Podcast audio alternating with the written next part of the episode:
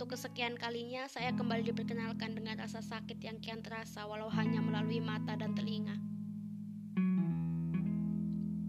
Ia datang bertubi-tubi.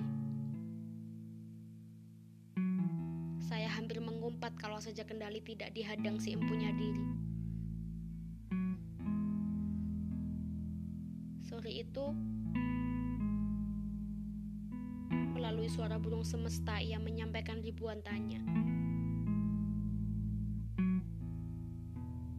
Ribuan tanya yang bisa saja membunuh isi kepala. Angin sekitar mendadak berbeda. Hangat memeluk, mencekik hingga akhirnya takluk.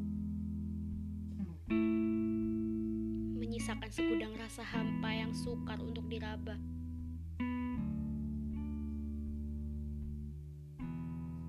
Di pundaknya terletak besi kehidupan. Ekspektasi-ekspektasi dunia yang begitu besar tentang mimpi-mimpi megah, tentang harapan-harapan yang tidak ada habisnya.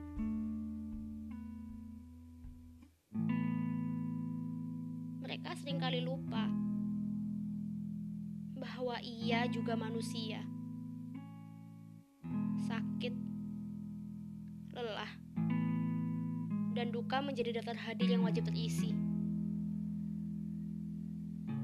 disembunyikan kemudian disimpannya sendiri.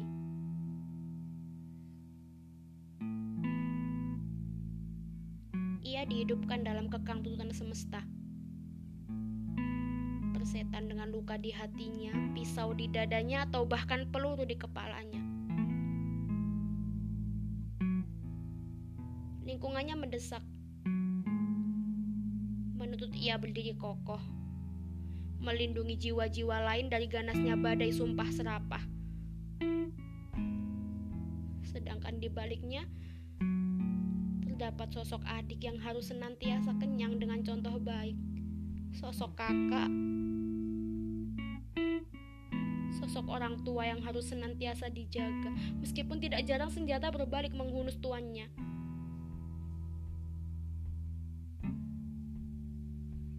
Saya marah menghardik permainan semesta yang tidak dapat diterima logika. Namun hingga akhirnya, di titik ini saya paham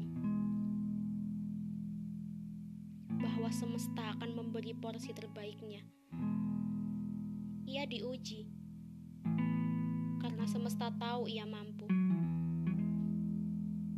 Hatinya kian baja seiring berjalannya waktu